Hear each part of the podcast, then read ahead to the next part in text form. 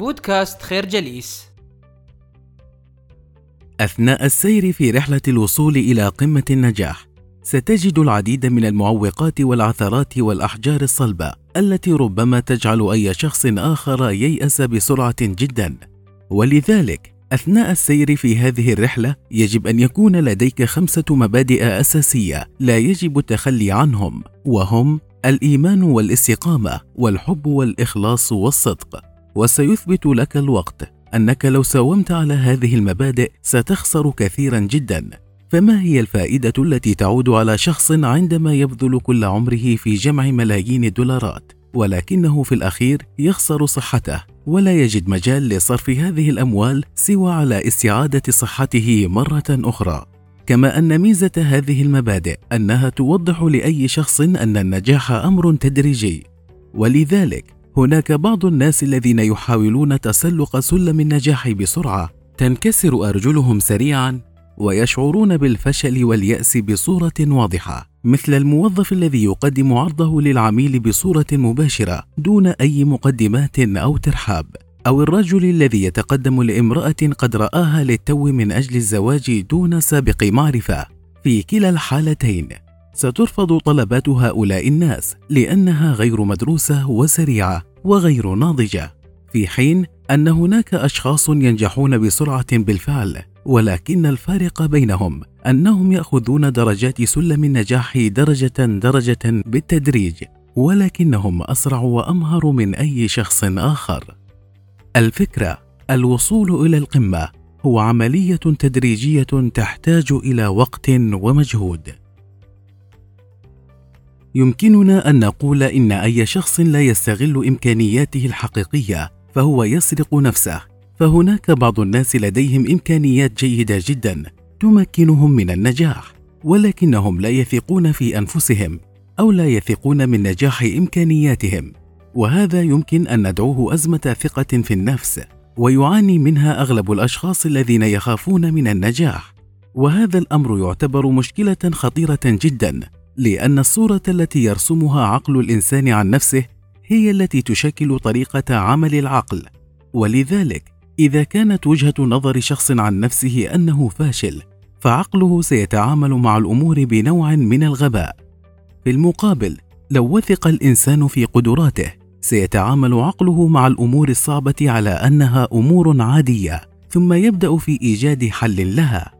ولذلك أول خطوة من خطوات النجاح هي تكوين صورة ذاتية إيجابية عن ذاتك. فلن يمكنك النجاح في شيء أنت ترى أنك غير مؤهل له. ولأجل أن تعالج هذه النقطة يمكنك أن تفعل الآتي. اولا الاهتمام بمظهرك الخارجي إلى أن تكون راض تماما عنه لأن المظهر الخارجي يعزز جدا من ثقتك في نفسك كما يعزز من ثقة الآخرين فيك. ثانيا الابتعاد عن الأشخاص السلبيين والاختلاط مع الأشخاص المشجعين أو المشابهين لك في طريقة تفكيرك. ثالثا تابع الأشخاص الفاشلين الناجحين واقرأ قصصهم كيف بدأت بالفشل ثم تحولت إلى أنجح القصص المؤثرة في العالم. رابعا سجل جميع انتصاراتك مهما كانت بسيطة وراجعها دائما. هذه الانتصارات البسيطة ستشجعك دائما على انتصارات أكبر. الفكرة. نظرتك لذاتك هي التي تحدد مكانتك الحقيقية في حياتك. بخلاف نظرتك عن ذاتك هناك نظرة أخرى يجب على بصيرتك ألا تتغاضى عنها وهي نظرتك إلى الآخرين خصوصا الذين من حولك. وهناك قصة عن فتى شعر بالغضب من أمه فخرج وذهب أعلى تله وصرخ بكل قوته وقال أكرهك. حينها سمع صوت صدى يقول له أكرهك. فأسرع إلى أمه مفزوعا وقال لها أن هناك شخص يقول له أكرهك أعلى التل. فأخذته أمه إلى أعلى التل مجددا وقالت له قل أحبك. وحينها تغير الصوت قائلا أحبك. وفي هذه القصة يظهر مدى تأثرك على الآخرين. فلو عشت لكراهية من حولك ستكون في الأساس تكره نفسك. ولو عشت لمحبة الآخرين في داخلك ستكون محب لنفسك. فاحيانا كثيرة تجد أن بعض الناس يتعاملون معك بطريقة ليست ودية بل وبها نوع من الضغينة والضيق وأنت تشعر بهذا الأمر كلما قابلت هذا الشخص. وهناك افتراضان لسبب هذه المعاملة السيئة. الافتراض الأول هو أن هذا الشخص يكرهك ويحقد عليك لأسباب تخصه والإفتراض الثاني هو انك أنت بالفعل لا تحب هذا الشخص وتتعامل معه بنفس الطريقة السيئة التي يتعامل معك هو بها. وفي كلا الافتراضين لو كنت من داخلك تحمل طاقة حب حقيقية للآخرين ستجد نفسك تتعامل معهم على أساس المحبة التي بداخلك وليس حسب طريقة تعاملهم. وهذا الأمر سيجعلك ناجح جدا في التعامل مع جميع الناس من حولك.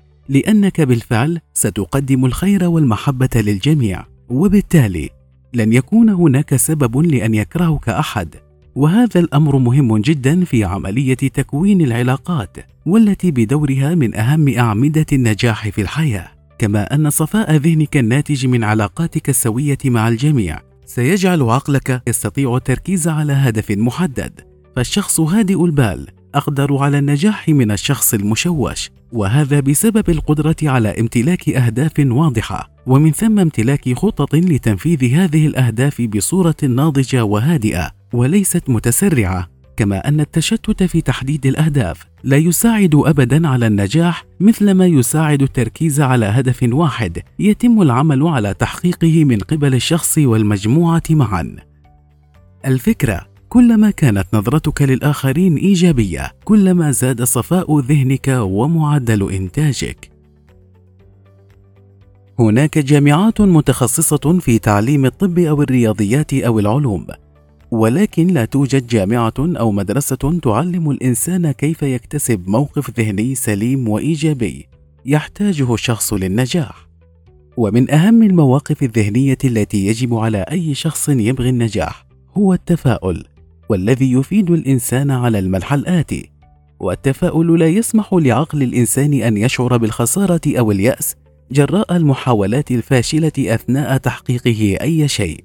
وهذا الأمر هو لب النجاح والوصول إلى القمة لأن النجاح طريق شديد الوعوره ويحتاج إلى شخص يستطيع التعامل مع أوقات الفشل أفضل من التخطيط لوقت الاحتفال بالنجاح. ولو فكرت مع نفسك ووجدت أنك تتخيل كثيرا وقت أن تكون ناجح ومشهور فهذا جيد. ومعناه أنك ترى نفسك على نحو إيجابي.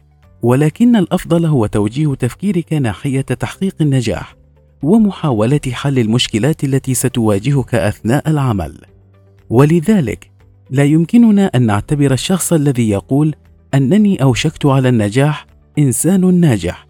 فالموظف الذي يعمل بنظام العمولة لن يأخذ عمولته لأنه أوشك أن يتمم الصفقة مع العميل. وهذا هو الفرق بين الحماس والتفاؤل حيث يجب أن يتم التفريق بينهم واستغلالهم بطريقة جيدة. فالحماس لا محالة يبدأ شديدا وقويا في أي بداية عمل أو طريق ولكنه بالتأكيد سيقل مع الوقت لعدة أسباب منها الفشل وتكرار المحاولات وبذل المجهود.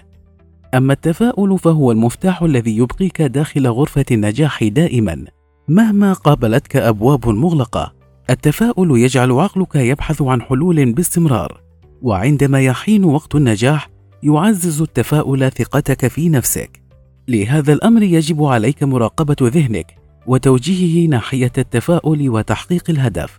مع الأخذ في الاعتبار أنك أنت من تتحكم في ظروف نجاحك وليست الظروف المحيطة بك هي التي تفرض عليك الفشل. ولا تجعل الآخرين يدخلون في ذهنك أفكار سلبية عن نفسك أو عن حلمك. فتخيل معي أن أحدهم أتى وألقى بسلة القمامة في وسط بيتك ثم مشى. حينها بالطبع ستجد نفسك في حالة دفاع عن بيتك. هكذا الأمر في القمامة العقلية. فلا تسمح لأحد أن يلقي قمامته الذهنية داخل عقلك ويؤثر عليك بالسلب. الفكرة التفاؤل هو مفتاح الوصول إلى القمة. نشكركم على حسن استماعكم. تابعونا على مواقع التواصل الاجتماعي لخير جليس. كما يسرنا الاستماع لآرائكم واقتراحاتكم. ونسعد باشتراككم في البودكاست.